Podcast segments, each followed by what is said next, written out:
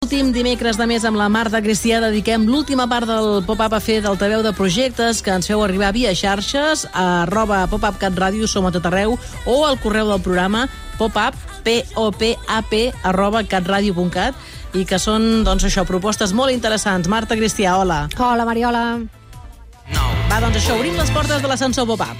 5, 4, 3, 2, 1, 0. Ignició. Avui puja a l'ascensor pop-up un servei de càrrega de cotxes elèctrics que, gràcies a la intel·ligència artificial, ho fa a les hores més barates. És el primer servei d'aquest estil que s'ofereix a l'estat espanyol i és de l'empresa Chipio, que també comercialitza electricitat a preu de cost. Ens ha explicat en què consisteix aquest nou servei Pol Brau, responsable de creixement i desenvolupament de l'empresa. Smart Charging és una eina pionera llançada al mercat per Chipio fa unes setmanes i que consisteix en una solució que automatitza de manera intel·ligent la càrrega de vehicle elèctric a les llars, permetent un estalvi de fins al 50% en cada càrrega. El funcionament és senzill i àgil, l'usuari ha de vincular l'app de Chipio al seu vehicle elèctric per triar a quina hora i amb quin percentatge de càrrega vol tenir el seu cotxe llest i després deixar el cotxe connectat.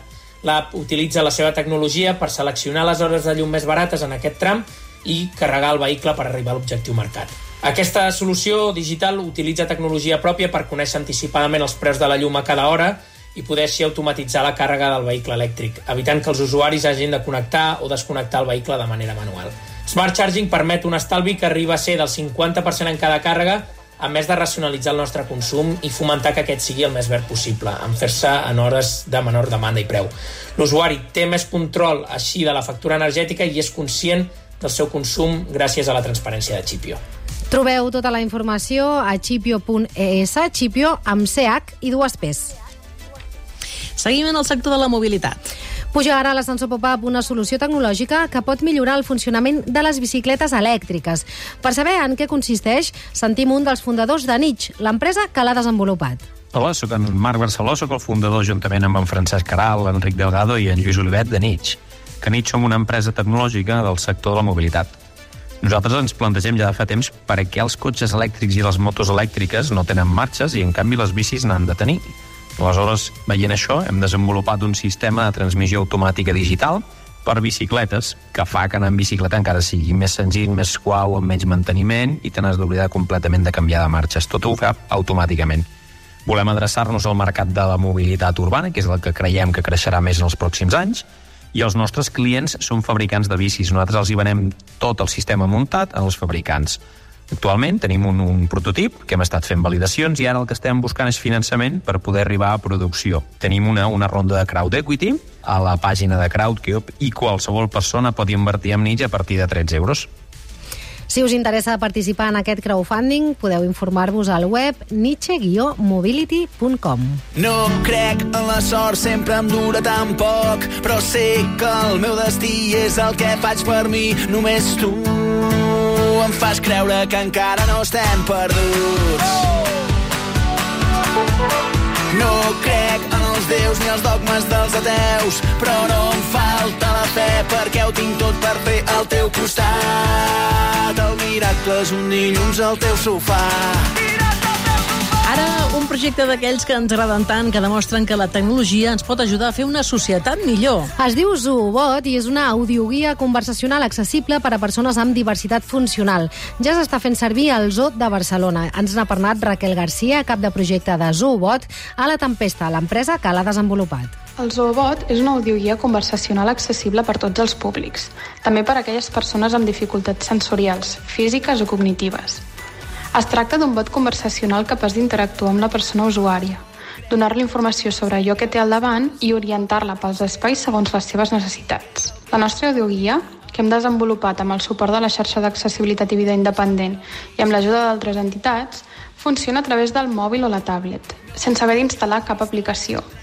A més, és molt senzilla d'usar, perquè reprodueix el funcionament d'una aplicació de missatgeria com ara WhatsApp. Ara mateix, l'eina es pot fer servir a dos espais del Zoo de Barcelona, però ja està preparada per desplegar-la a altres equipaments de la ciutat, tant interiors com exteriors, museus, hospitals, parcs, i així poder fer més inclusiva l'experiència del visitant, intentant arribar al paradigma de l'accessibilitat universal. Doncs la veritat és que estem fent aquí un ascensor molt complet, amb molts temes diferents i atenció, amb una cosa que està prou de moda des de fa temps. Si sou amants de la decoració, com jo, perquè també puja l'ascensor pop-up Wallpapers, que és un nou model de paper pintat. És una empresa barcelonina i li hem demanat que ens expliqui què fan exactament, com modernitzen això dels papers de paret a Marisha Bo, la seva CEO. Buenos días. Wellpapers.com es una empresa made in Barcelona que propone papeles pintados con diseños modernos y fáciles de colocar. Uno, porque no se necesita cola, que viene ya integrada al papel y se activa sencillamente con agua. Y dos, porque producimos bajo demanda a la medida exacta de la pared. Esto eh, permite colocar los paneles muy sencillamente y no tener mal gasto de papel. Así, vamos a decir que en menos de dos horas cada uno puede crear un ambiente y cambiar una habitación. Por fin se puede también personalizar tanto los colores como el tamaño de los dibujos y así se adapta al gusto de todos. Trobeu tota la informació d'aquests papers al web wellpapers.com. Trobo a faltar que passin coses bones. Obre els braços que vinc sense forces. Trobo a faltar que passin coses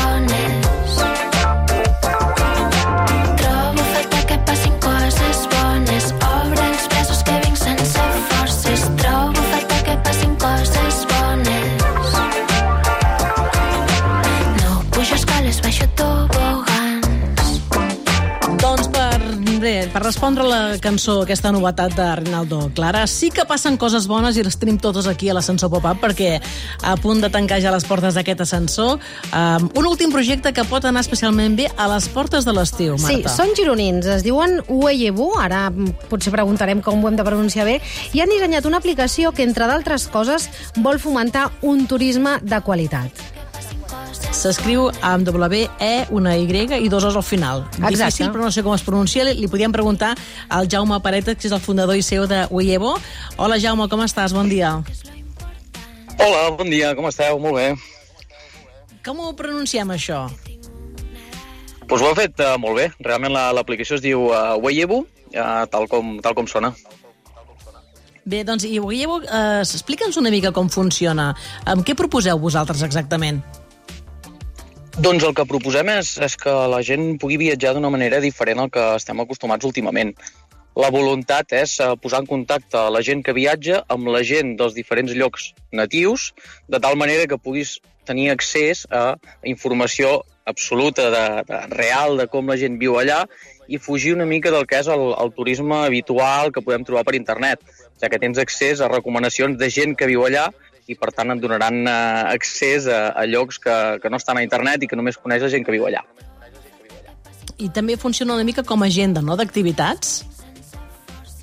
També, també, dins de, de l'aplicació, que volem que sigui integral, que sigui una aplicació que qualsevol viatger fent servir Wayabu pot fer qualsevol cosa al seu viatge, doncs allà podrà eh, tenir accés també a serveis, a realitzar activitats, esdeveniments, i doncs també un, un àlbum d'històries on te menjar tots els records del seu viatge. Uh -huh. Com funciona l'aplicació exactament, Jaume?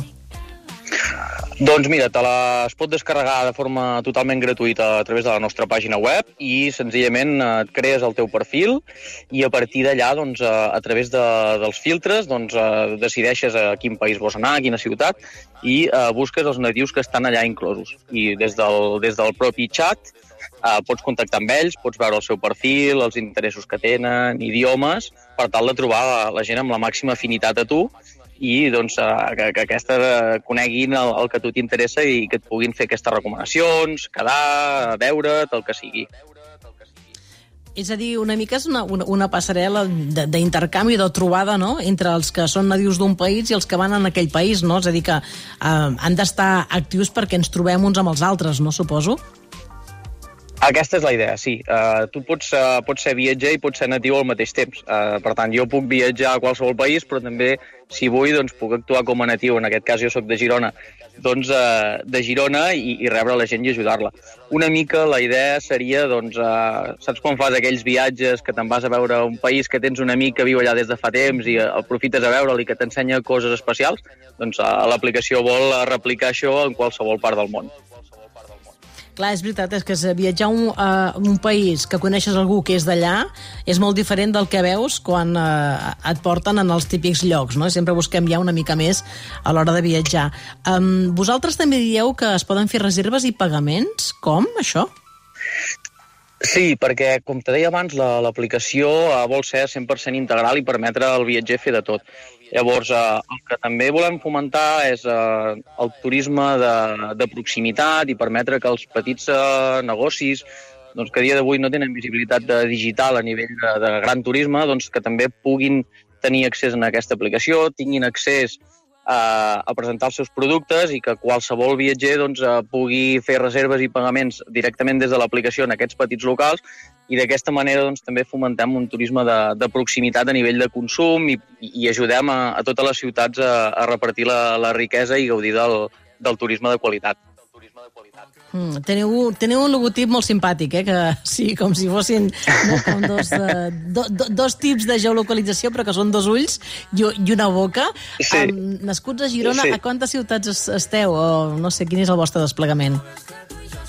Doncs ara mateix estem, eh, evidentment, hem començat fa, fa poquet, estem a la zona de Girona, de Barcelona, però tenim gent a, a Xina, tenim gent a Brasil, Argentina, a França, i ara mateix que no sé si ha, si ha aparegut algun altre país ja, però bueno, estem a, a, a poc a poc doncs, anem creixent i ens anem expandint per, per, pel món, que és el que volem. Clar, evidentment seria una mica el viatge de, no sé, de, de la sostenibilitat al quilòmetre zero i a més a més conèixer una mica de llocs també secrets no? de, de, de, dels països i, i tot això és eh, el que oferiu, no? Exacte, sí, la idea és que uh, una mica la, la, la gent crec que ens hem acostumat molt a, a fer servir uh, Google, l'internet per, uh, per trobar què viatjar, què veure, i en aquest cas doncs, els, els grans buscadors tots anem a parar allà mateix i la idea doncs, és uh, sortir d'aquesta capa i poder aprofundir una mica més de, de descobrir llocs que, que no estan publicitats uh, i que només realment coneix les, la gent uh, que viu allà perquè estan fora de l'àrea turística més visible. Una mica la idea és doncs, uh, trobar aquests llocs de, de gran qualitat-preu i que realment uh, descobreixen la cultura i, i veus un país totalment diferent al que, al que trobaries com, com va tothom, no? en els llocs clàssics. Doncs això, apunteu, veieu, és la proposta que ens fa l'ascensor pop-up en Jaume Paretes. En Marta Cristià, gràcies Jaume, una abraçada. Gràcies a vosaltres, una abraçada. Marta, recorda una mica quines són les línies de contacte per si algú ens vol fer arribar les seves propostes a l'ascensor pop-up. Mira, doncs podeu fer-ho al, al, al correu electrònic del pop-up de Catalunya Ràdio, que és popup arroba catradio.cat. Allà ens podeu explicar tots els vostres projectes o també per dir a les nostres xarxes, que tot arreu som arroba popup catradio. Nosaltres les llegirem molt atentes i els prepararem per l'ascensor del mes que ve.